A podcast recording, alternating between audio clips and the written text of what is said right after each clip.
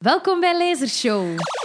Hallo iedereen, hier zijn we terug na een toch wel iets langere periode van stilte, radiostilte. Ja, na onze winterslaap. ja, we zijn terug. Alhoewel dat weer nu niet echt... Uh, ja, doet mij niet direct denken aan de lente of zo, momenteel. Nee, nee, mij ook niet. Dus storm Eunice is net gepasseerd en ja, het is uh, nog eigenlijk volop winter. Hè? Je hebt eigenlijk zin om terug aan een winterslaap te beginnen. Ja, ja dat is waar. Of, eh, of een heel dik boek te lezen, Pauline. Ja, inderdaad. Um, we, zijn ja. precies, we zijn precies een beetje rusty, heb ik de indruk. Ja, het is rusty en het is ook de vorige keer dat we elkaar uh, dat we hebben opgenomen was het live en nu is het weer uh, online, omdat ja. het iets makkelijker was. Ja. Um, ja, dus ik moet er weer aan wennen ook om met zo de koptelefoon op te zitten en, uh, en om, ja, om, om naar een computer te kijken. Maar ik hoop dat de volgende dan toch weer um, wel ja. in live zal zijn. Ja, ik hoop het ook. Maar dus vandaag, ja, inderdaad, uh, een klepper. Dat we uiteindelijk, we hebben er lang over getwijfeld, zouden we het doen of niet. Uh, maar uiteindelijk hebben we toch besloten om To Paradise te lezen. Van, ja, en nu als West-Vlaming moet ik even Hania... Ga ervoor! Hania Yanagihara ja. um, te lezen. Voilà, dus daar gaat het vandaag over gaan. Ja, um, misschien uh, kennen jullie haar wel al, Hanya Yanagihara, als de schrijfster van uw favoriete boek. Of uw minst favoriete boek, A Little Life of Een Klein Leven. Dat uh, in uh, 2015 is uitgekomen en insloeg als een bom. Ja. Um, dat ook, um, ja, dus uh, enerzijds zeer, zeer goed onthaald werd. Of uh, ook werd afgeschilderd als melodramatisch en slachtofferporno. Um, ja, dus, dus Hanya Yanagihara is... het is, niet iedereen is onverdeeld enthousiast over haar werk. Um, of ja, toch alvast niet over haar, dus haar tweede, of is dit haar derde roman, A Little Life? Haar tweede. Ja, haar tweede roman. Ze heeft ook nog iets, eh, ja. ja iets geschreven in, toen ze twintig was, maar dan, ik weet niet of dat, dat is uitgebracht of dat dat erbij hoort. Nee, haar eerste boek was eigenlijk um, The People in the Trees. En dat is ah, vertaald... dat is effectief haar eerste. Ja, ja, ja. ja. dat is vertaald als um, Notities uit de Jungle. En dat was in 2013. En ik, ik heb dat wel gelezen, maar ik heb daar zo ik heb daar zo alleen nog maar flarden van in mijn hoofd. Zo echt zo'n nachtmerrieachtige flarden. Want zo van pedofilie en een, een eiland bij Hawaii. En dan zo mensen die schildpadden opeten, denk ik. En dan het eeuwige leven krijgen. Maar tegelijkertijd is ze dan like, een switch in hun DNA of in hun brein. Waardoor dat ze dan zo Um, eigenlijk een beetje simpel worden, zo trager. En dus ze, ze, worden wel, ze blijven jong of ze kunnen langer leven. Maar daardoor verliezen ze ook een soort van hun, ja, hun, hun brein of voor een stuk. En dan, ja, het gaat over zo'n antropoloog die dan naar dat eiland trekt en met die mensen dan dat geheim ontdekt en dan ook misbruik maakt van die kinderen daar en die terug meepakt naar Amerika. Het is allemaal heel broeierig en ja, nachtmerrieachtig eigenlijk. Dat was het eerste boek dat ik heb gelezen van uh, Yanagihara. En dan ben ik eigenlijk met iedereen, ik denk dat ik zelfs een beetje late to the party was, um, A Little Life van 2015 beginnen lezen. Um, ehm, 700 pagina's of zo, zoiets denk ik is het. Hè? Ja, het is ongeveer even lang als To Paradise. Ja, 700 uh, en ja, 720 bladzijden. Ja, en het was een enorme hype. Hè. Ik, weet, allee, ik heb het ook nooit goed verstaan, want ik heb nooit goed verstaan waarom dat, dat zo'n bestseller was. Um, en, want ik, ik weet nog dat ik dan zo mensen zag die dat zo aan het lezen waren naast het zwembad. Zo van... ja, Luchtig. Ja, vakantielectuur. En ik dacht echt zo van, wat? Ik heb me daar echt doorgeworsteld. Echt zo pagina na pagina. En altijd gedacht van, that's it, nu is het gedaan. En dan was het toch niet gedaan. Um, ja, dus nee, inderdaad. Ja. misschien, misschien kort even zeggen waarover dat dan... Hè, dus het eerste boek van uh, The People in the Trees gaat ook al over ziekte. En dan het tweede boek, A Little Life, gaat uh, over... Um, ja, Jude. Ook... Het gaat over Jude. Ja, Jude is het hoofdpersonage. En uh, zijn, zijn vriendengroep, die, het zijn vijf, vijf mannen die worden gevolgd um, gedurende een periode van wat 30, 40 jaar of zo. Ja, ik moet niet veel zeggen, want ik heb het niet uitgelezen. En eh, ik heb ook nog... Ik zei het daar juist aan mijn bladwijzer, tot waar dat ik ben geraakt, nog altijd ertussen zit. Ik heb precies ook nooit uitgeleend aan iemand. Ik heb het waarschijnlijk ook nooit aanbevolen aan iemand. Tot waar Ehm, ben je geraakt, Eline? Eh, Halverwege? eh, ja, effectief. Ja. Eh, 362, dat is op de kop net over de helft. En dan heb je voor jezelf zo de afweging gemaakt van ik ga hier niet mee verder. Ik denk het. Wacht, hè. Ja. Ja, gewoon... allee, Het is, als ik er gewoon even naar die pagina kijk waar ik ben gestopt... Oh nee. Eh, het is zich weer vol met messen bewerkt. En al. Nee, nee, nee, het is gewoon... eh, eh, dan zie ik hier ook ja, dat het weer heel triestig is. Hè, dat the day slowly slurred into night. En ehm, ehm, ja, eh, ik, uh, lacerations on his legs. Ja. dus ehm, ik, ik weet nog gewoon... Zoals dat jij ook zegt, je hebt er u moeten doorworstelen. Dus, dus wat is het probleem met Jude? Ehm, hij is... eh, ja, wat is niet het probleem met Jude? Hij, hij wordt... eh, van als dat hij uit het ijs... eh heeft ook geen ouders. Hij wordt dan in een klooster opgenomen als kind. Maar dan wordt hij daar misbruikt door Ja. een pater. Dan wordt hij... ehm, hij is enerzijds waanzinnig knap en succesvol. Ook homo. ehm, dan wordt hij eh, later... Ja, hij, hij, hij snijdt zichzelf ook heel zijn leven. Hij, hij, zoekt ook altijd ehm, lijden op. Hij, zoekt, zij- ja, hij, hij is ook met zijn verkeerde mannen ook altijd. En, Ja, dan mannen, toevallig. Dan Ja. gaat hij één keer op date en dan is dat toevallig iemand die hem compleet in elkaar slaat. Zot geloofwaardig.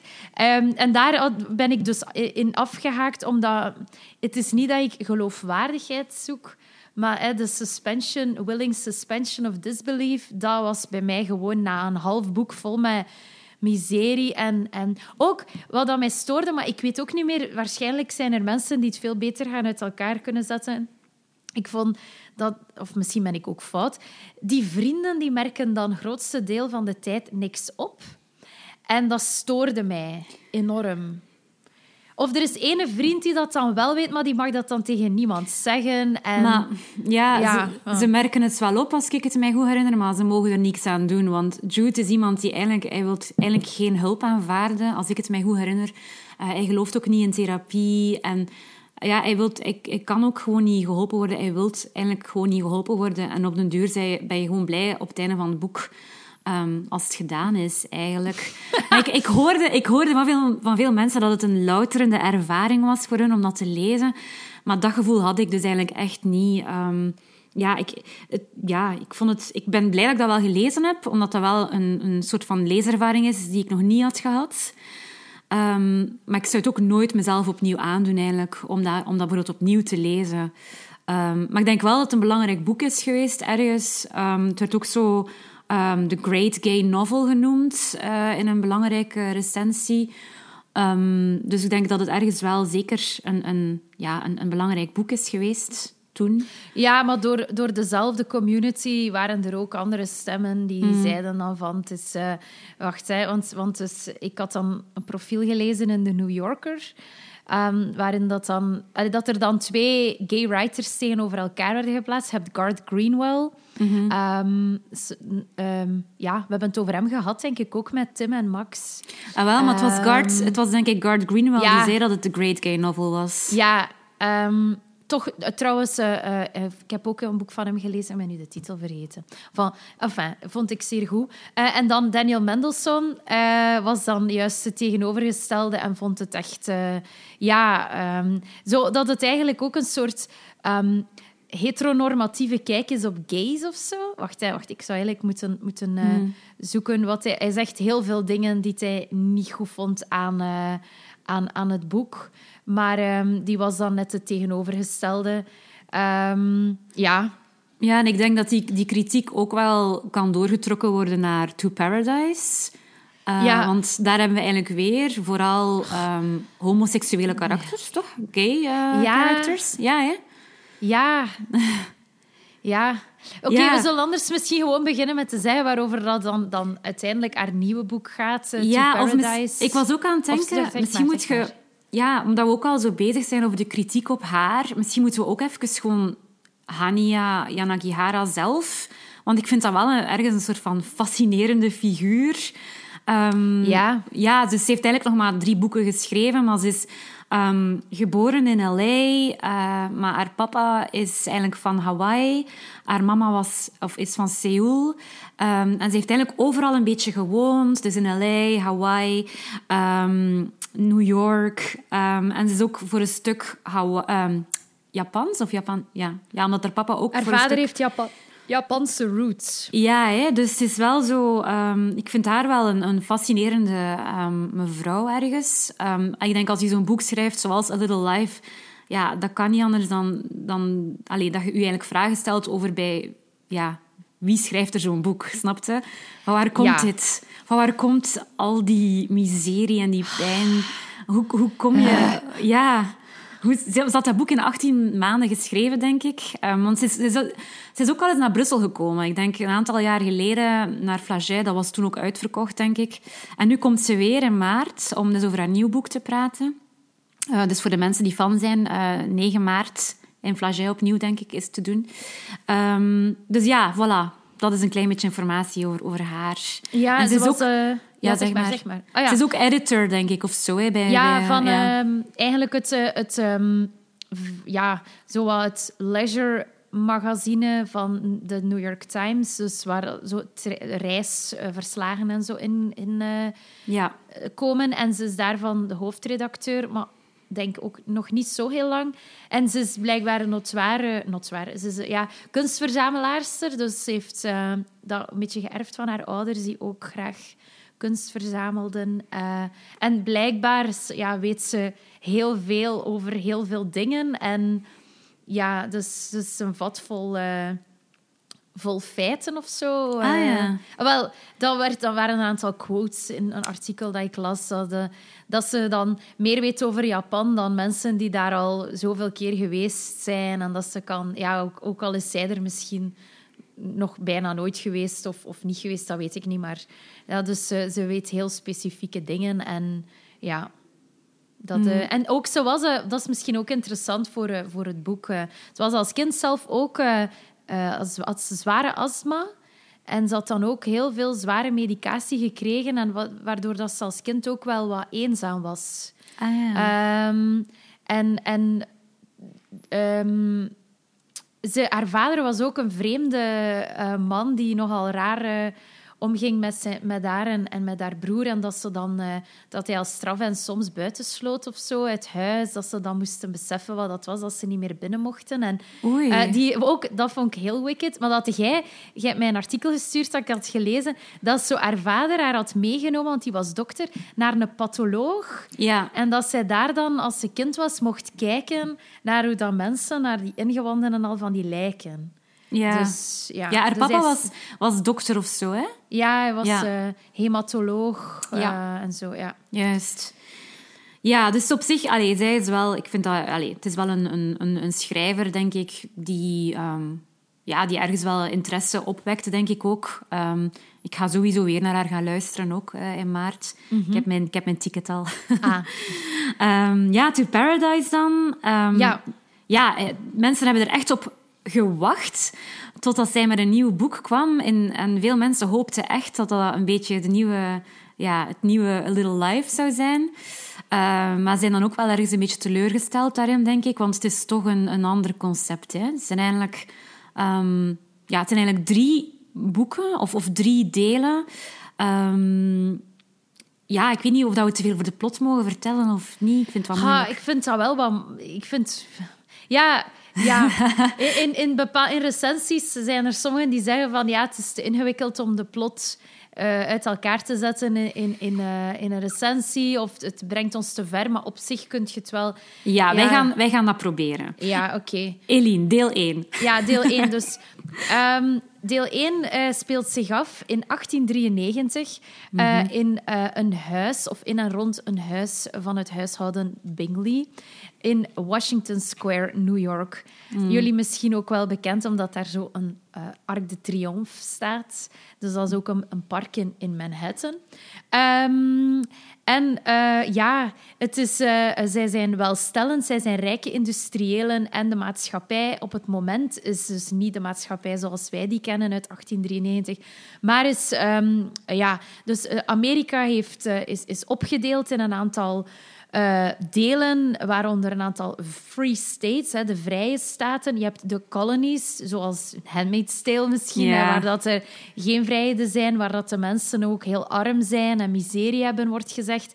Je hebt uncharted territory, dus dat is dan, hè, er is daar nog heel weinig van geweten. Hè. Dat is dan het, het zuidwesten van de Verenigde Staten. En dan heb je het westen, um, Californië en zo, het ja, de American Union en Hawaii is onafhankelijk en Maine ook.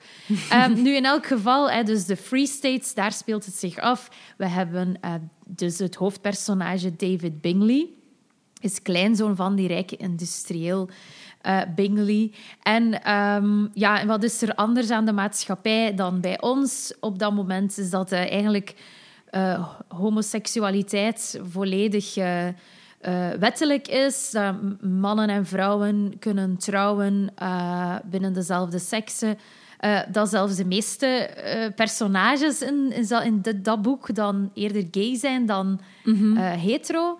Ja. Um, en maar toch is... Allee, ik merkte daarin wel ook weer een, een, zo een sneer naar, naar het hedendaagse vluchtelingenbeleid. Hè. Dan is het zo van, wij zijn vrij... Maar de vluchtelingen uit de colonies die mogen hier alleen op doortocht komen. Eigenlijk zijn die hier niet toegelaten. En uh, ja, er werden ook lelijke dingen over zwarte mensen in gezegd. Dus eigenlijk is het een witte maatschappij. Ja, inderdaad. Um, eigenlijk is het een soort van uh, rewriting of history. Um, een alter, ja, alternative history eigenlijk.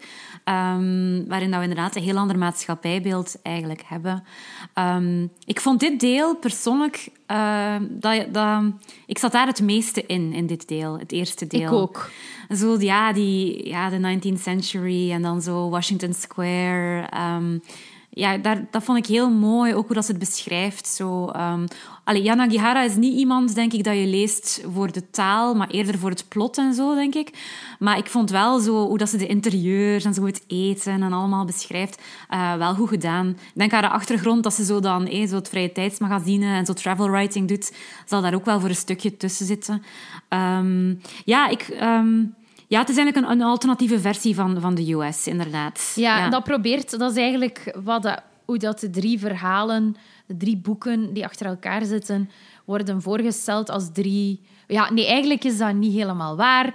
Daar beginnen we al, want het tweede boek is, is eigenlijk geen alternatieve geschiedenis. Het is dan eigenlijk gewoon het, het 1993 van uh, zoals het was bij ons. Ja. Uh, of in, ook op Washington Square. Maar het speelt zich dus altijd af eigenlijk in hetzelfde huis op Washington Square. Ja, zo'n een, een groot townhouse. Ja, uh, ja echt zo'n ouderwets ja, huis. Het is duidelijk ook een referentie naar, naar Henry James, Washington Square. ook toch wel een bekende novelle, waar we het later nog gaan over hebben. Ja, um, ja het tweede deel is dan maar eigenlijk moeten we, jaar... nog iets, moeten we nog niets meer zeggen over... Of niet? Want dus die David... Ja. Ja, het is eigenlijk... Het, komt neer op een soort uh, driehoeksrelatie. Hè? Dus, dus de, het gaat wat over... Hè? David, uh, het, het, hoofdpersonage, is uh, nogal geïsoleerd. hij voelt zich eenzaam. Hij leidt ook aan een mysterieuze... Ja, nervous condition? ja, nervous condition eigenlijk. Dus hij... Ja, zoals dat in die tijd ook met veel bedekte termen werd omschreven. Um, en voor de rest, uh, ja, dus hij heeft uh, een suitor, een man, uh, Charles, die, hem, die eigenlijk zich aan zijn voeten legt, of die ja, in hem geïnteresseerd is, maar hij wordt op slag verliefd op iemand anders. En dan gaan de poppen aan het dansen. ja, en, en die papa is eigenlijk, of ja, was nu de grootvader, hè? De grootvader. Grootvader, ja. Ja, is een, is een redelijk controlerende figuur ook. Um, ja, ja, wat is inderdaad wel ja, wat je juist uh, beschreven hebt. Ja. Ja. Hij zoekt een beetje zijn weg. Um, hij, hij, weet niet goed wat hij wil doen met zijn leven. Hij heeft het gevoel dat hij zo wat geleefd wordt en dat hij gewoon zich dag na dag verder sleept naar zijn einde. Uh, maar dan komt dus die ene muziekleraar in zijn, op zijn pad en dan, uh, ja, voilà. ja, deel 2 dan. Um, ik vond het heel verwarrend, want Ehm, dan heb je eigenlijk personages met dezelfde namen, maar 100 jaar later. En dat deel speelt zich af, zoals we net al zeiden, voor een stuk in New York ehm, tijdens de AIDS-crisis. Ehm, en, en dan wordt er eigenlijk een feestje gegeven voor, voor, voor, voor iemand die gaat sterven. dus het hoofdpersonage daar is eigenlijk van Hawaii, maar woont in New York en is ook samen met een oudere man. Het is zo wat ja, secret, want ze, ze werken in hetzelfde advocatenkantoor, denk ik. Um, en hij komt van Hawaii en het gaat eigenlijk ook over zijn papa, die dus nog op Hawaii is. Die eigenlijk zo uh, ja, royalty is eigenlijk van, van, van Hawaii. Um, maar die dan...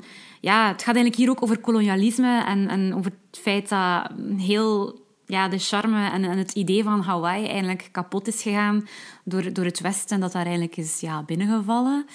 Um, en, en die papa, ja, die, die moest eigenlijk koning van Hawaii zijn. En hij, hij klampt zich daar zo aan vast. Um, en hij, hij, weet, maar dat bestaat niet meer, de monarchie. Dus hij, op een gegeven moment probeert hij dan een soort van, ja, een droomversie uh, te creëren samen met een vriend van hem. Wat eigenlijk ook weer een heel fout relatie is tussen die twee. Um, en dan gaan ze eigenlijk op een stuk strand gaan wonen en proberen ze daar zo alternatief te wonen, zoals in het oude Hawaii. Maar het is eigenlijk gewoon echt een dump waar dat ze eigenlijk wonen. En het is voor die zoon heel moeilijk uh, om dat te zien natuurlijk. Um, en uiteindelijk vlucht hij weg van, van Hawaii en van zijn papa. En we krijgen eigenlijk de twee verhalen. Dus die, terwijl dat hij in New York zit met zijn, met zijn oudere boyfriend in het townhouse in Washington Square, krijgen we ook het verhaal van de papa die nog eigenlijk aan het af... Ja, eigenlijk is hij aan het afzien daar in een psychiatrische instelling, um, vastgebonden aan zijn bed. Um, en krijgen we via brieven Um, wat ik ook weer niet echt helemaal realistisch vond, dat je zo lange brieven zou schrijven waarin dat je... Um, maar goed, we krijgen wel zijn verhaal uh, in die versie, ja. Ja, wel, ik, ik, ik vroeg me dan af, um, nadat ik dan dat deel had gelezen, of dat dan niet gewoon was dat zij dan een, een brief hadden gekregen van een ander familielid, want er worden van, van zijn moeder, die oma mm. leeft ook nog, denk ja. ik. Ja, ja. Die dan zegt van, uw vader ligt op sterven, hij leeft nog, maar kom, kom naar Hawaii ik, ik, naar, naarmate inderdaad dat de brief vorderde, dacht ik, dat is een metafoor. Dat is een brief die hij in zijn hoofd schrijft, want hij, hij kan ook niks meer zeggen. Op het einde, ook de laatste zinnen, inderdaad, dan zegt hij van ik kom naar u, ik kom naar het paradijs. Dan is inderdaad wel duidelijk dat we eigenlijk in zijn hoofd zitten. Dat is waar wat hij zegt. Ja, want hij heeft epilepsie en uh, hij zegt dan ik kan weer wandelen en als ik nu... Ik, ik kan weer beter worden, maar dat is... Ik denk dat dat niet waar is. Dat dat, dat gewoon... Um, ja ja, ik, uh, ik moet zeggen, um, ik, vond, ik vond dat um, hoe dat hij, die vader uh, zijn kindertijd omschreef. En dan die, uh, ook als hij dan um, zijn, die vriend, dus die Edward, is degene die hem dan uh, ja, zijn, zijn kop zot maakt en hem dan naar meetroont naar een, naar een eiland waar dat bijna niks is, waar dat ze dan samen een koninkrijk gaan stichten, wijze van spreken. Als zij dat beschrijft, die vriendschap, of ja, mhm. die band, en dan vooral die scènes met die mama van Edward, uh, ja, en die dan zo samen um, ja, huiselijke taferelen uh, hebben ik kon daar, daar zat ik wel helemaal... Ik kon mij dat zo voorstellen, dat hij... Omdat die eenzaamheid... Dat is eigenlijk een, ook een rode draad, vind ik, doorheen de drie verhalen. Um, van, van, van eh, die David Bingley. Eigenlijk, ze heten allemaal David. Hè. Ja. Dus zo, allee, behalve in boek drie, want daar is het hoofdpersonage niet David. Maar um, David in boek twee, uh, dus de koning van Hawaii, dus hoe dat hij dan daar praat over, over zijn eenzaamheid en ook uh, zijn verlangen dat hij, hij, heeft gefaald en hij zou eigenlijk het graag bijleggen met zijn zoon en zo.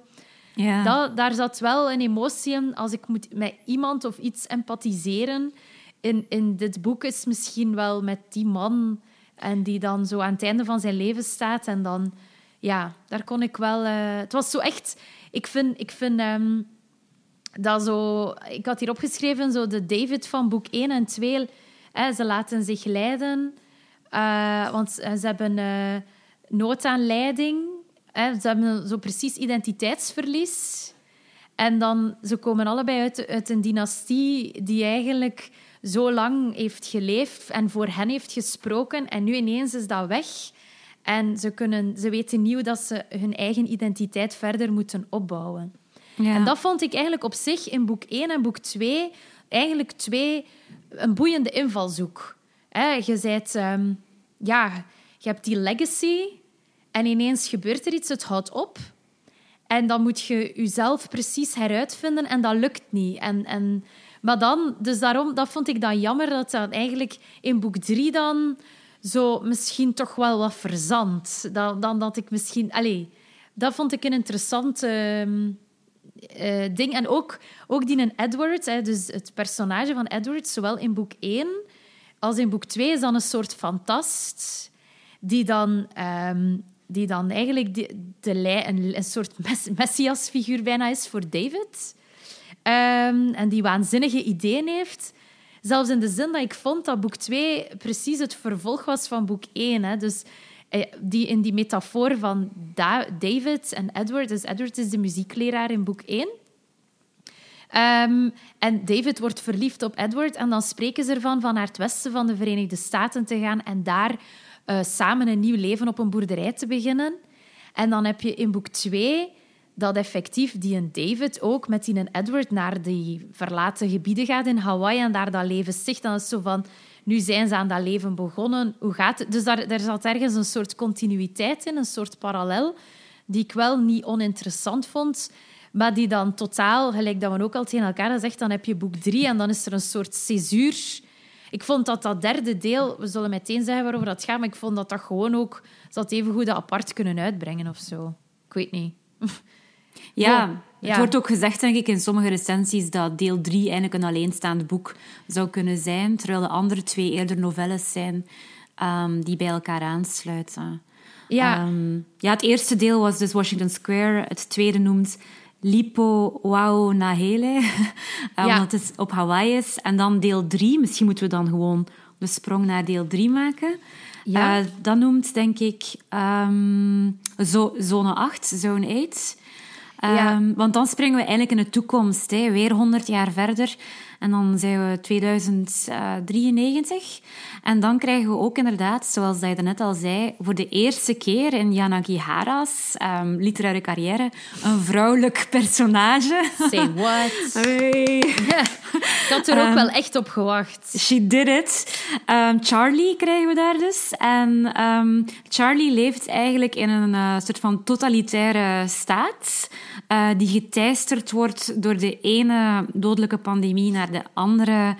Ehm, Charlie is ook een heel raar vrouwelijk personage.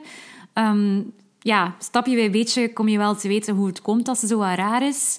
Ehm, maar zij werkt dus in een van de, van de, de bio-laboratoria die ze nu in Central Park hebben gezet. En zij is verantwoordelijk, en dat vond ik echt zo een, ja, een heel triestig beeld, voor de muizenembryo's. Dus zij moet dan eigenlijk de, de muizenbaby's... De ja- pinkies. Ja, de pinkies. Ze ik was altijd een beetje overgeven in mijn mond als ze dat woord zei. Ja, dus zij is daarvoor verantwoordelijk. En, en zij moet ze dus afmaken voordat ze dan ja, worden gebruikt om testen op te doen. Maar ze voelt zich ook zo ja, verantwoordelijk voor de pinkies. En, en ze heeft daar ook echt een connectie mee. En als ze dan uiteindelijk stopt, of als ze daar gaat stoppen, dan pakt ze een pinky mee naar huis in haar zak. Dus ja, het is echt... Het is een heel, heel triestig vrouwelijk personage, vind ik. Een triestig wezentje. En ja... Ja... is ook gewoon heel moeilijk om te lezen, vond ik, dat, dat derde deel. Omdat het is zo... Het is eigenlijk een dystopie eigenlijk ook. En ja, it hits home. Hè. Ik bedoel, we hebben net ook twee jaar in een pandemie ehm, geleefd. Dus er zijn heel veel dingen ehm, eh, die je herkent. ehm, die, die, ja, die je, denk ik, als we dat op een ander moment hadden gelezen, niet zo, ja, niet zo hard zouden binnenkomen, denk ik. Ja, ik vind het dan ook zo... allee, dus Ha- Hanya eh Yanagihara had dan... eh, dan ook aan haar gevraagd van... Je, je hebt dat boek geschreven tijdens de pandemie. Je hebt duidelijk ook wel dingen uit het nieuws daarin meegenomen. Eh, en dan zei ze dat dat niet klopte, want dat ze eigenlijk de helft van het boek al nog voor de pandemie had geschreven. Maar ik vond dat totaal een nonsens, want de helft van het boek is deel 3. Dus dan kun je. Allee, er, er waren voor mij het Ja. gewoon te veel. Het was zo te... Weet je, het is een beetje gelijk... Ja, er, er zijn heel veel dingen die wij nu zeggen of op een andere manier bekijken, toch? Daardoor conclusies die dan vaak worden getrokken, die hiervoor niet op die manier zouden worden getrokken. En dus ik vond het een beetje flauw van haar dat ze deed alsof dat ze daar niet door beïnvloed was. Ja, ik denk, ook, Ehm, ik ja. denk ook dat ze eigenlijk gebruikt heeft wat dat we gezien hebben in die twee jaar. ehm, maar dat ze het uitvergroot. Dat ze eigenlijk eh, ook toont wat er kan gebeuren met een maatschappij als je constant van de ene pandemie naar de andere gaat. Ehm, en wat dat, wat, dat, wat dat kan doen. Allee, bij ons, we zien nu al zo hard die, ver- die verdeling in onze maatschappij. Na twee jaar, eh, de antivaxers, de vaxers, mensen die geen masker kunnen of willen dragen enzovoort. Dus ik denk dat ze, ja, ze heeft dat gewoon enorm uitvergroot. En dan, ja, ik vind, wat ik heel interessant vind, en dat is natuurlijk typisch aan de dystopie, is het idee van, ja, het, het geloof of het vertrouwen dat mensen al dan niet hebben ehm, in de staat. Van hoe gaat de staat om met, met ziekte en met pandemieën en met, met mensen. Ehm, dat vond ik wel... Daar zaten heel veel interessante dingen in. Ehm, ik heb wel heel veel onderlijnd ook eh, in, in dat derde deel. Want ja, Charlie is eigenlijk ook... haar grootvader is eigenlijk de architect ook voor een stuk van de dystopie waarin ze leven. En, en ja, het is, ik, vond, ik vond het een, een enorm triestig personage. Ehm, ja, het Ja. triestigste eigenlijk. Eigenlijk al, er zijn zoveel triestige personages opnieuw op verschillende manieren. Ja, ja wel, inderdaad. Ik moet zeggen, eh, ik sluit mij aan bij wat dat je zegt over, over eh, deel 3. Ik vond het ook ehm, heel... ehm, ja, het is, het is veel meer plot-driven. ja, dus, dus ik vind de eerste twee delen nogal beschrijvend. ja, Eh, en dan het derde deel leest je eigenlijk eh, op, voort op het... eh, wat gaat er nu gebeuren? En, en het, is, het is wel een stuk spannender. Misschien ook omdat het zo'n dystopie is. Dus het gevaar is veel dreigender dan, dan in die eerste twee delen. Is er niet zoiets als een continu dreigend gevaar. Maar hier zit je dan met een mogelijke nieuwe, nieuw virus dat zal uitbreken. Ehm, en ik was ook dan inderdaad nieuwsgierig naar die structuur van die maatschappij. Dus dan, dan wil ik ook wel... Omdat in dat eerste deel werd daar op een heel... Hè, dan had je ook natuurlijk een ander soort verteller. Je zit dan met een derde persoon. Ehm, ik weet niet of dat een alwetende verteller is of gewoon... eh, maar ehm, dan in, in het derde deel zit je eigenlijk in... ehm, heb je twee soorten perspectieven. Enerzijds heb je eerste persoonsverteller. Dat is dan eh, Charlie zelf. Eh, dus op die manier kom je wat dingen te weten over die maatschappij. En dan anderzijds heb je de brieven die ehm, de, dus de grootvader van Charlie schrijft aan een vriend van hem die buiten de VS woont. in de UK. Ja, in de UK, in New Britain. Ja. Eh, daar hebben wij ook allemaal te raden naar, want vooraan in het boek zit er, zitten er kaartjes per maatschappij. Ja. Eh, allee, eh, dus eentje is dan van 1893 van de VS, dan heb je een kaartje van Hawaii gewoon, en dan boek drie heb je een kaartje van Manhattan. Eh, dus de rest van de wereld is aan ons niet bekend. En dat vind ik wel goed. Ik vind dat nog interessant van... Ik voelde mij... Het was zo... ehm, Maar we weten, wel, Ja. we weten wel dat China eigenlijk ook wel een beetje de macht heeft of zo. Hè? Want ja, China... Ja, Ja, voor het onderzoek en al in de, in de lab- laboratoria moeten ze altijd wachten op China. En, en is dat precies wel een heel belangrijke speler. Ehm, dus we, weten, we, we, vangen zo dingen op, maar er wordt nooit letterlijk een model van, van, van die staat uit de doeken gedaan of zo. We, we, stukje bij beetje leren we bijvoorbeeld dat er zo van die kampen zijn waar zieke mensen worden opgesloten om daar dan eigenlijk gewoon ja, te creperen. Ehm, we, we, er- we weten ook dat er zo van die drones zijn in, in insectenworm. Die, ja, zo flies. ja, die zo ja, spioneren en zo. Ja, het klimaat is ook Ja. compleet... eh, het, alles het is uit de hand gelopen, dus is... Ik weet niet hoe warm buiten, dus je kunt enkel nog maar met van die speciale warmtepakken... Dus, eh, nee, of niet... Ja, isolerende pakken, dat je dan die warmte niet op je kan krijgen.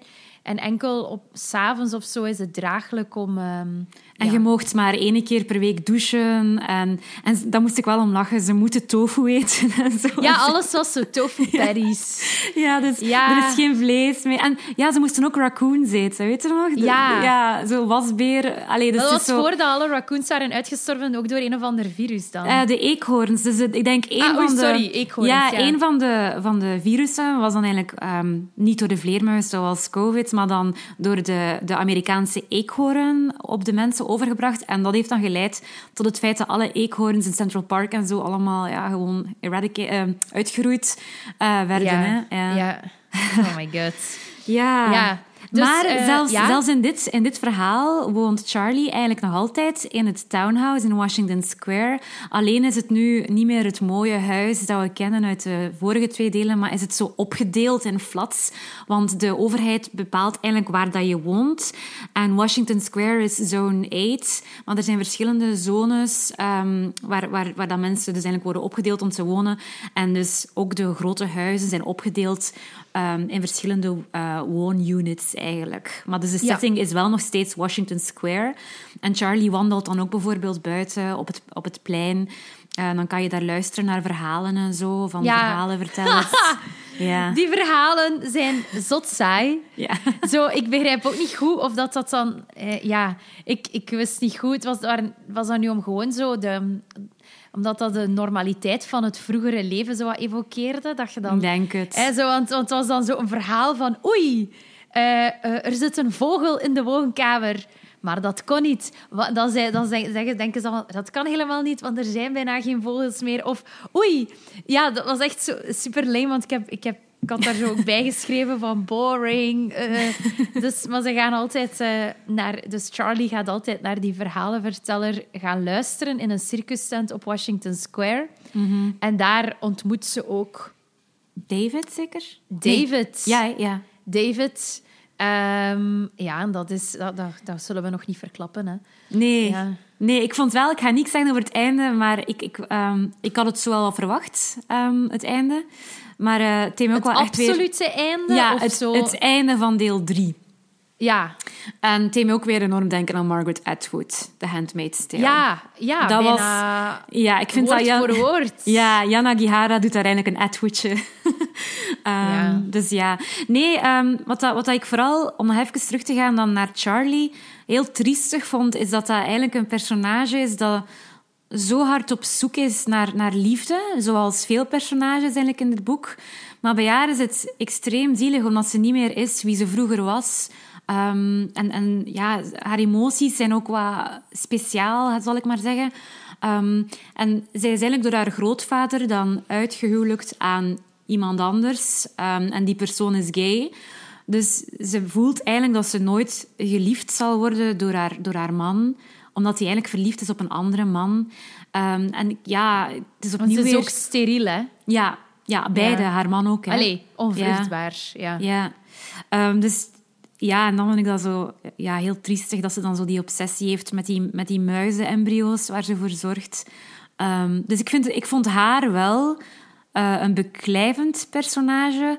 Ook al dacht ik dan wel weer van, ja, Jana Gihara schrijft dan een keer een vrolijk personage en dan is het echt zo'n zielig wezentje. Het kan ook Ja. niet anders, het kan ook niet anders. Ik vond dat eigenlijk jammer, want ik, vond, ik voelde het echt aan als dat ze dat moedwillig doet. Dus in zowel boek 1 als boek 2 ook, dan heb je dus geen enkele vrouw. Iedereen is homo, ehm, of quasi iedereen. En als er een vrouw inkomt, wat dat dan pas uiteindelijk in boek 3 gebeurt, dan heb je die moeder van Charlie, die, maar die, is dan, die verzaakt volledig aan haar ja, ouderlijke plichten. Hè, die wordt er eigenlijk wat uitgeschreven. Allee, uitgeschreven, ja.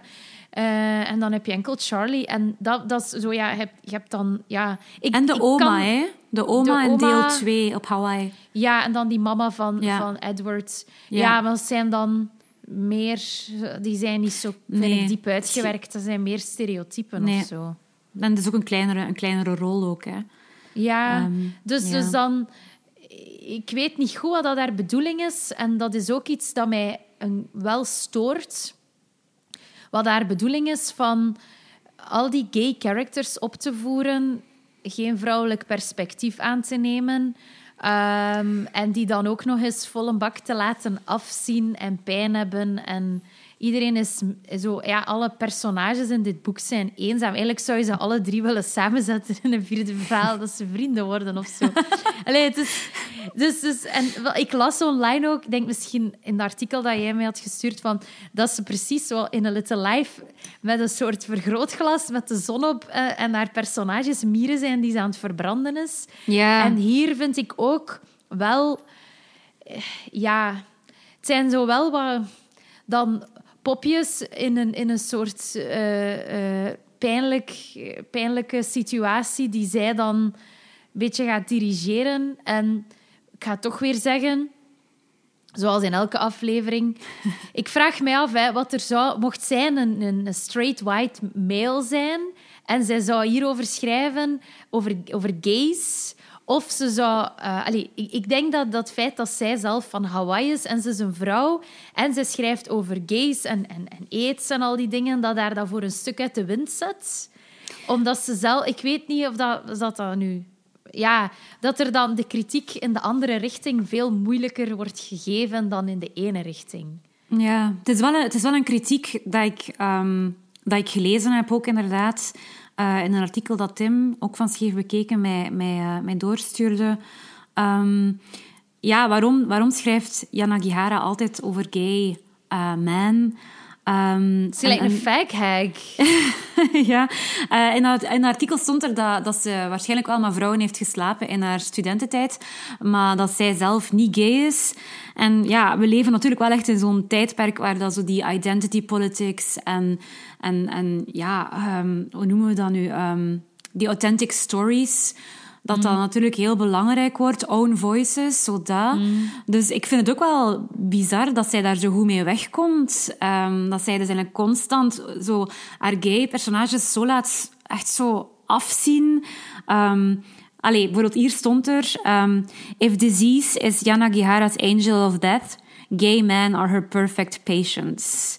En dus, ja... zij heeft altijd gezegd dat zij als schrijfster het recht heeft om te schrijven waarover dat zij wilt. Zij ziet dat als het, als het recht van de, van de auteur. Maar die, die, ehm, die recensent zei dan ook zo van... Ja, sorry, maar...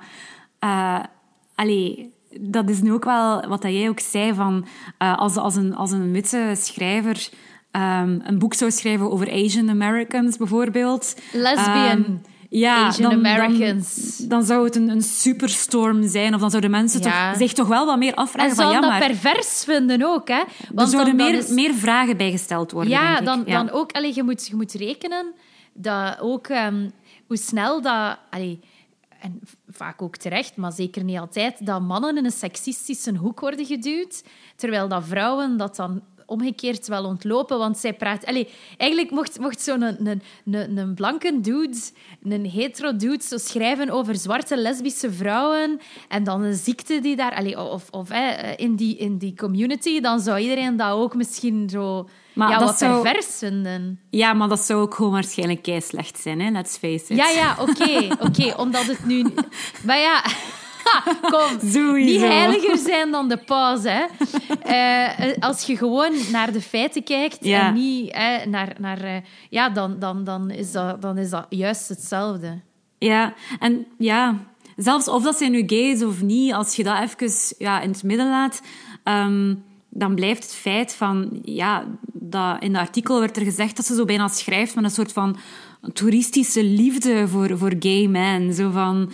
ehm, Exotisch. By, ja, by exaggerating their vulnerability to humiliation and even physical attack, she justifies a maternal posture of excessive protectiveness. And the conspicuous absence of women in her fiction may well express Yanagihara's tendency as a writer to hoard female subjectivity, subjectivity sorry, for herself. Dus dat ze eigenlijk bewust... Dat, ze Dat eigenlijk dat je- standpunt uit zijn weg ja, gaat. en de narrator, de, de female narrator, like dat jij zegt, die zo speelt met, met, die, met die... Ja, zij is ook degene die hun dan verlossing kan brengen. Of die, ja, het is, ja, het is, het is een, een interessant punt, denk ik, ehm, om, om over te discussiëren. Ehm, en Ja, er wordt zeker ook veel over wel- geschreven. Ja, er wordt veel over geschreven. En, en eh, ja, het is... Allee, hier in, in de Belgische media niet. Of ja, ik heb toch... Ik weet zelfs niet... Ik heb niet... de- Ik lees meestal de standaard ter letteren, maar op het moment dat het boek uitkwam, denk ik, heb ik het gewoon niet gezien. eh, of dat er iets is verschenen. Maar hier eh, leeft dat niet... Uh, allee, zij wel, hè. Ze is populair. Allee, mijn, uh, mijn schoonmoeder had ook een Little Life gelezen in de zomervakantie. En zij was ook er helemaal in en zo. Dus Ja, ja, het is wel populair. En dit boek staat ook ehm, in de boekentop 10, denk ik, en zo. Het zal ook al het wel heel dik. Ehm, maar heel die discussie... Ik weet niet of dat, dat dan tot hier Ja. doordringt. eh, ja, misschien zal België ook wel late to the party eh, zijn. ah, trouwens, wat Ja. ik... Had ik je al gezegd, nu dat we zo wat bezig zijn over gevoelig, allez, gevoeligheden en, en moest ik er ineens aan denken... Vind je dat niet raar? Dus, dus als je naar podcasts luistert, in ehm, eh, Engelstalige podcasts, dan komt er vaak zo'n... ehm, hoe heet dat? Zo'n disclaimer van zo trigger warning. Ah ja. Dat je dan hè, zo hebt van dat, eh, bijvoorbeeld uit gauw, ze, ze gaan iets vermelden over eating disorders, allee, over eetstoornissen, Ja, of over zelfmoord. alcoholisme of verkrachting. Ja, Ja. hè, en dan, dan wordt dat zo op voorhand gezegd, gewoon voor de luisteraar of voor de kijker. Maar dan hier in België heb je dus eerst een hele uitzending over iets met zelfmoord en dan aan het einde wordt er zo een telefoonnummer van de zelfmoordlijn. Maar dan heb je al heel de aflevering gezien. Dus wat heeft dat voor zin? Ik vind... Allee, dat je dat, dat- Het heeft niks met literatuur te maken nu, maar Nee. als je dat... Ik moest dat gewoon... Ik dacht gewoon... Ik moest daar gewoon aan denken nu. eh, Maar vind je, dat dan, raar vind. vind je dan dat er bij Jana Gihara's boeken een trigger warning zou moeten komen voordat je begint te lezen? Nee. Ah ja. Nee. Eh, nee. Een trigger warning van wat dan? Van... Maar ik weet niet, ik denk bij A Little Life eh, zou ik dat eigenlijk nog niet zo'n Ah, slecht ja. idee vinden. Voor zelfverminking en zo. Ja, Ja, dat- zelfverminking en, en slachtoffers van misbruik. En ja, toch wel... Allee, ik denk wel dat dat... ehm, ja, dus dat vond ik ook moeilijk bij dat boek eh, van The Little Life. En dat had ik wel minder hier. Is ook zo dat aspect van voyeurisme dat je bijna voelt. Dat je dat allemaal zit te lezen. En, en ja, ehm, ik was eigenlijk blij dat dit boek minder zo was. Ehm, ja, voilà. Misschien Ja, moeten we nog eens... eh, zo, want we hebben nu een beetje gepraat over zo de drie delen. Ehm, en misschien moeten we dan... Het is natuurlijk ook menselijk inderdaad om echt zo te gaan zoeken van wat bindt die drie delen nu samen? Wat zijn nu zo de rode draden? Want we hebben het al even gehad over die namen die er zo doorlopen. En dan zo patronen tussen characters, zo die driehoeksverhoudingen, dat dat ook wel terugkomt. Maar, en, en dan het huis op Washington Square als een soort van safe space ehm, in, in, in veranderende tijden. Ehm, heb, heb je nog zo dingen dat je denkt van, van ja, rode draden of, of dingen die in de drie delen terugkomen? Goh, ja, eh, allee, wat ik daarnet zei van die eenzaamheid. Dat Ja. er, eh, de eenzaamheid van, van de hoofdpersonages en ook het, de grootvader. Ja, Zo, eh, of vaderfiguren komen heel sterk familie, terug. hè? Het ja, beeld, familie. Het beeld van familie, van wat is een familie? Want de meeste van die gay koppels, die hebben bijvoorbeeld eh, adoptiekinderen. En dan komt ook heel de vraag op van, ja, wat is nu een familie? Ehm, ben je een familie als je geen kinderen hebt, bijvoorbeeld? Zoals Charlie en haar man in deel 3 die geen kinderen kunnen hebben. Ben je dan wel een familie als je een unit bent met twee? Dus dat ook wel. Ehm, ook ziekten natuurlijk en virussen, van, van AIDS tot en met dan die, die pandemieën. En, en, en ook, ja, social criticism ook. Hè. Zo, zo de klassen, de verschillende klassen die we hebben. En, en dan ehm, rijk versus arm voor een stuk zit er ook heel hard in verweven, denk ik, in de drie verschillende delen. Hè. Ja, ja, juist, dat klopt. Dat klopt ook. Ja, want, want dat was ook de, een van de dingen die werd gezegd, dat, dat het zich in heel geprivilegeerde omgevingen afspeelt. Allee, ja, ehm, dat, zoals hij daarnet zei, als ze schrijven over het eten, dat dat is alsof Ja. dat zij zo een artikel aan het schrijven is over een restaurant. Ja, zo pecan pie Eh, en, en of zo was pie nuts pie. En, ja, ja, ja, Ja, ja. En allee, een derde deel, dat niemand, daar heeft er niemand nog Nee, blijkbaar daar, iets... daar moeten ze eh, allemaal tofu eten. Ja, och, arme. Oh, poor Eh, them. Maar Nee, ik eh, voor ik de dacht- rest... Ah, ja, zeg ja, maar, zeg de, maar. de titel natuurlijk ook, hè. To Paradise. En elk deel eindigt ook met in de laatste zin het woord paradise, hè. Dus elk, ik denk de drie hoofdpersonages zoeken eigenlijk altijd naar een betere situatie, een, een, een, een meer ideale situatie. Bijvoorbeeld dan de Wild, The Wild West in deel 1, eh het New York dan versus Hawaii in deel 2. En dan in deel 3 probeert ook Charlie de, de totalitaire staat achter zich te laten. Maar ik denk dat de realisatie is ook van... Ja, er bestaat ook, dat bestaat ook gewoon niet, Paradise. Dat is waarom dat Paradise is. Dat, dat bestaat niet.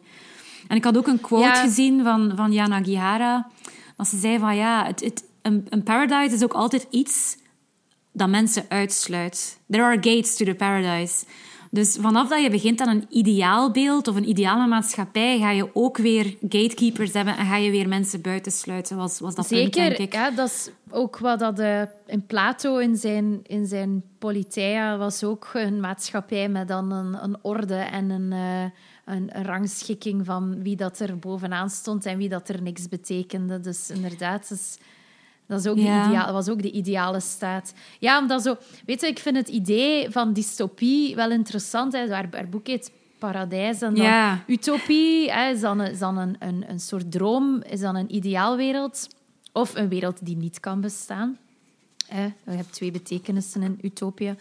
Ehm, maar dan vind ik eh, dan jammer dat ze in... Ja, misschien moeten we in dat tweede deel dan... Dat paradijs dat die vader droomt, eh, dat hij naar die Edward naartoe gaat, dat dan als de dystopie en de utopie zien. Ik vind het gewoon... Soms zijn er ideeën dat ik denk, dit had je toch beter kunnen uitwerken om meer... ehm, meer een, een, een, een, een samen... Een, een, een, ik kan Samenhangend, samenhangend, samenhangend he- geheel Ja. te, te vormen. Maar dat, dat, ze trekt daar ook, weet je, dat ze daar geen fuck aantrekt van wat dat iemand denkt eh, van iets. Dus het is grappig, het was een recensent die ook schreef van eh, ja, dit boek is, heeft, heeft geen editor gehad of zo. Dat denk ik nu niet. Maar ja, ik, ik denk...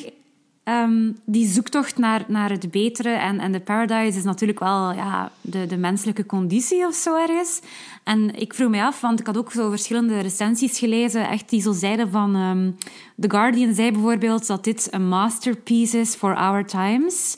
Ehm, en dan, dan ging het zo over het feit dat sommige schrijvers echt zo honderden jaren nodig hebben voor ze kunnen schrijven over iets dat gebeurd is. Bijvoorbeeld Auschwitz. Of, dat, dat je echt zo tijd nodig hebt.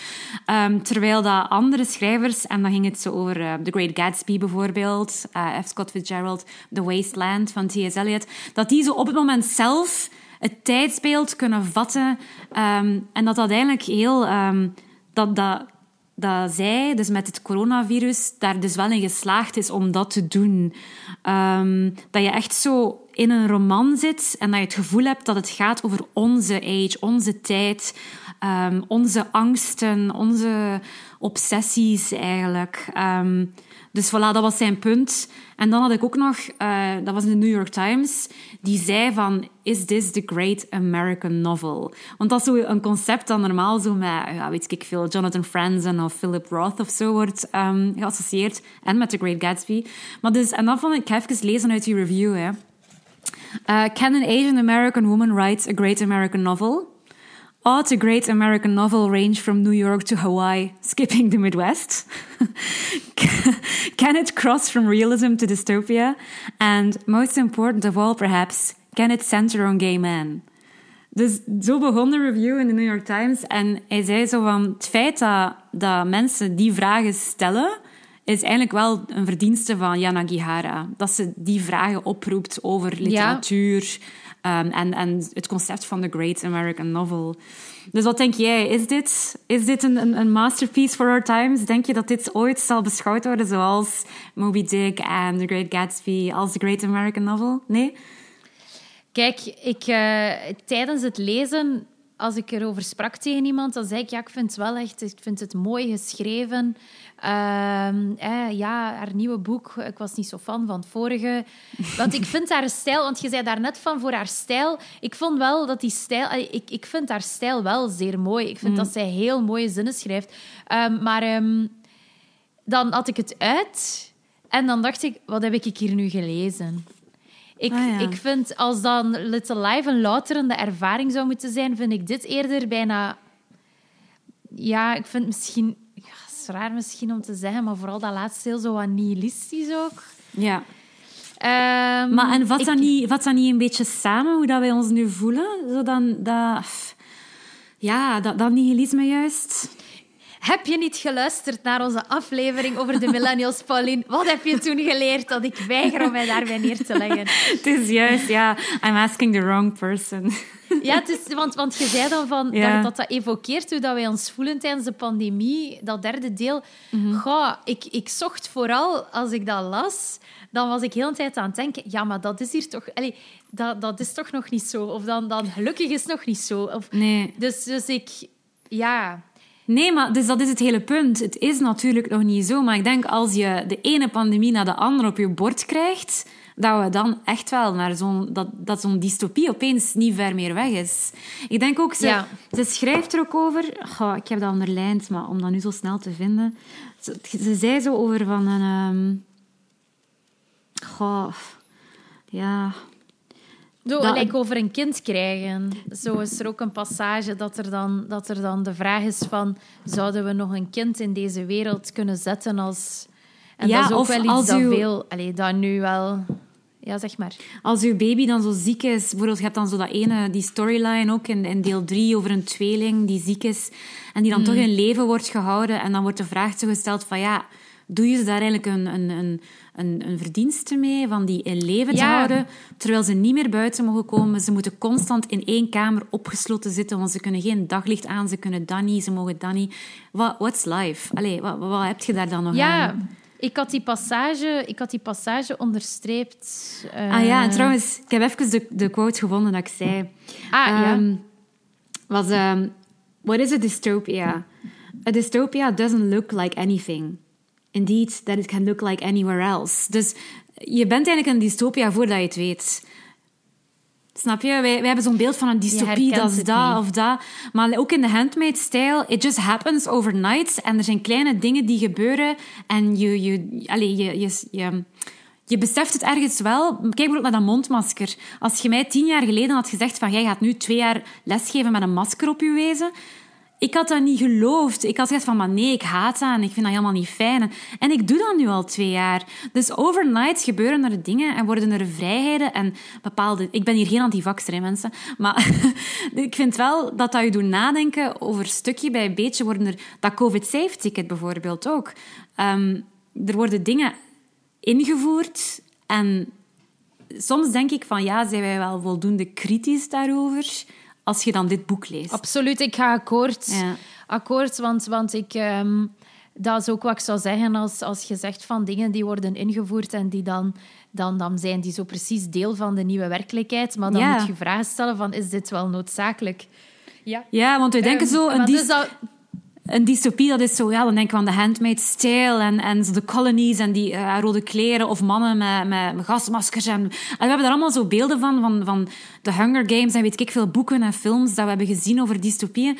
Maar zo is een dystopie niet. Dat gaat niet zo zijn. Het gaat, het gaat gewoon zo gradueel opgebouwd worden, denk ik dan.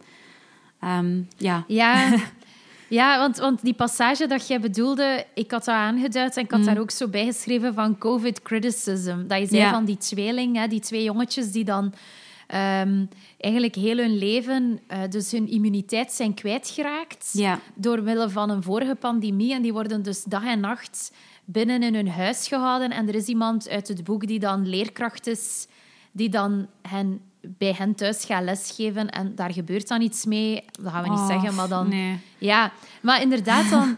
ehm, ja, eh, what must it have been like to watch your children come so close to death and then in saving them realize that you've transported them to a place that you can leave but they never can? Not death, not life, but existence, their entire world in one house, your hopes of everything they'd be and see and experience buried in the backyard, never to be unearthed. How could you encourage them to dream of anything else? How could you live with the sorrow and guilt that you had condemned them to a life stripped of all that's pleasurable? Movement, touch, the sun on your face. How could you live at all? Maar weet je waar dat mij dat aan doet denken? Niet aan dat je dat aan je kinderen aandoet, maar wat er... Ik, ben, ik word daar altijd boos van, maar wat er met alle mensen in de rusthuizen is Ja. gebeurd. De woonzorgcentra. Die gewoon... Ja, dan is het ook, die werden als kinderen behandeld. Hè. Willoze, eh, eh, zorgvragende individuen die dan moesten tegen alle, eh, eh, tegen alle verzet in En we moeten ze zeker beschermen daartegen.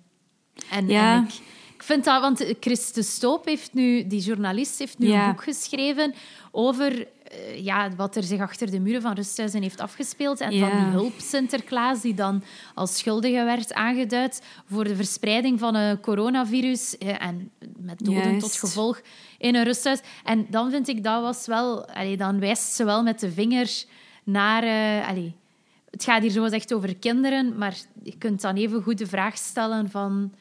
hè, in Amerika zijn kinderen ja. ook heel lang thuis moeten blijven van Mhm. school. Hè, veel langer dan bij ons. Dus het is misschien even goed een kritiek daarop. Hè. Ja.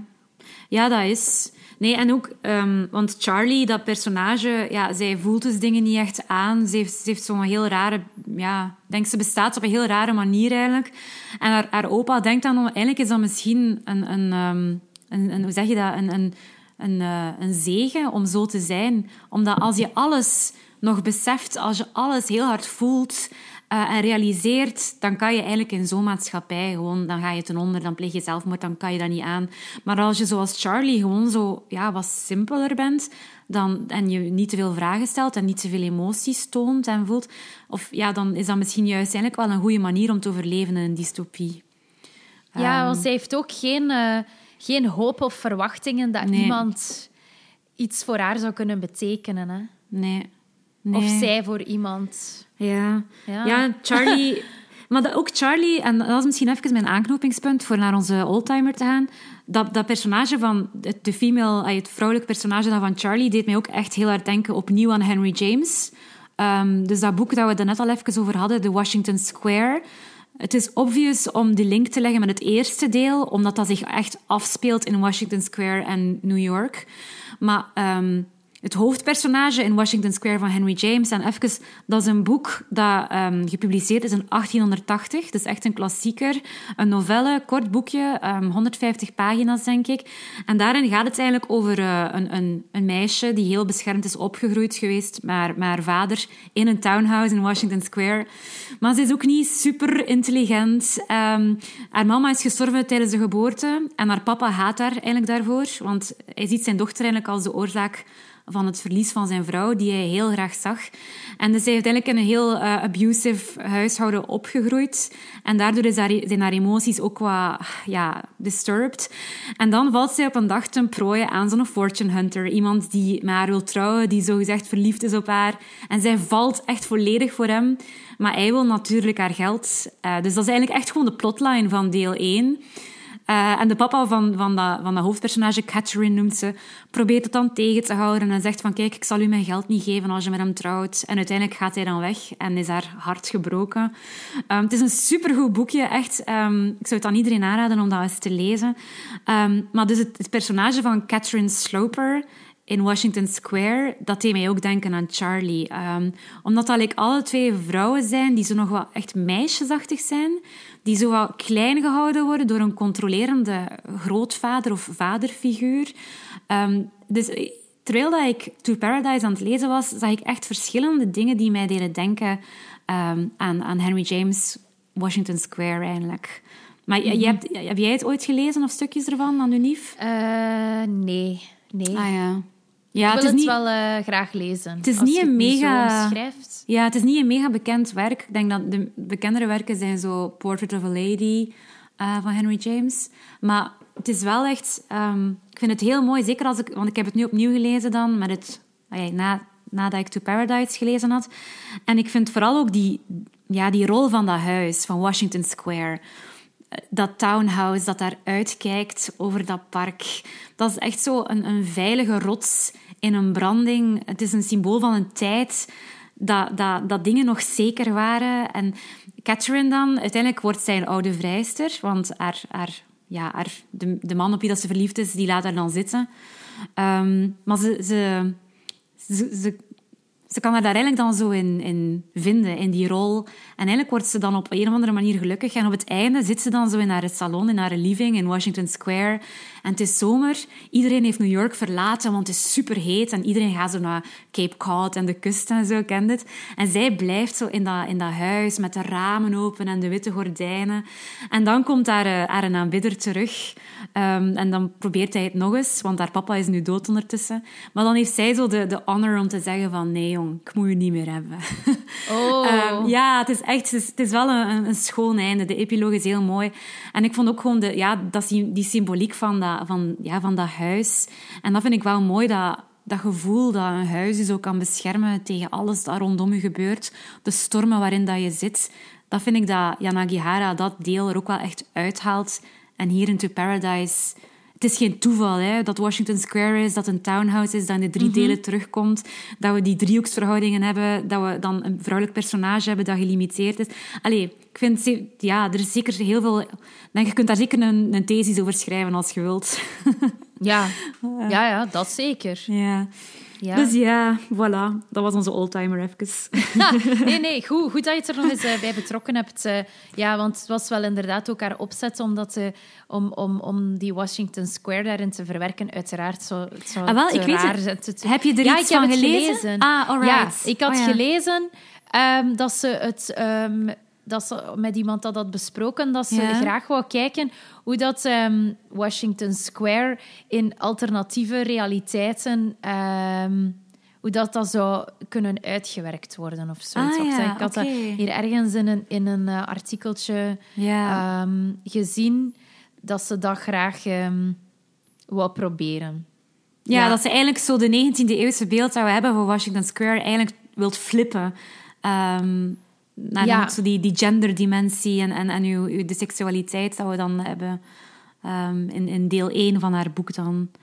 Ja, Ja. Ehm, en er wordt ook eh, gezegd dat zij. ehm, er zijn mensen die suggereren dat zij Charlie zou zijn in, eh, in, in het eh, derde boek.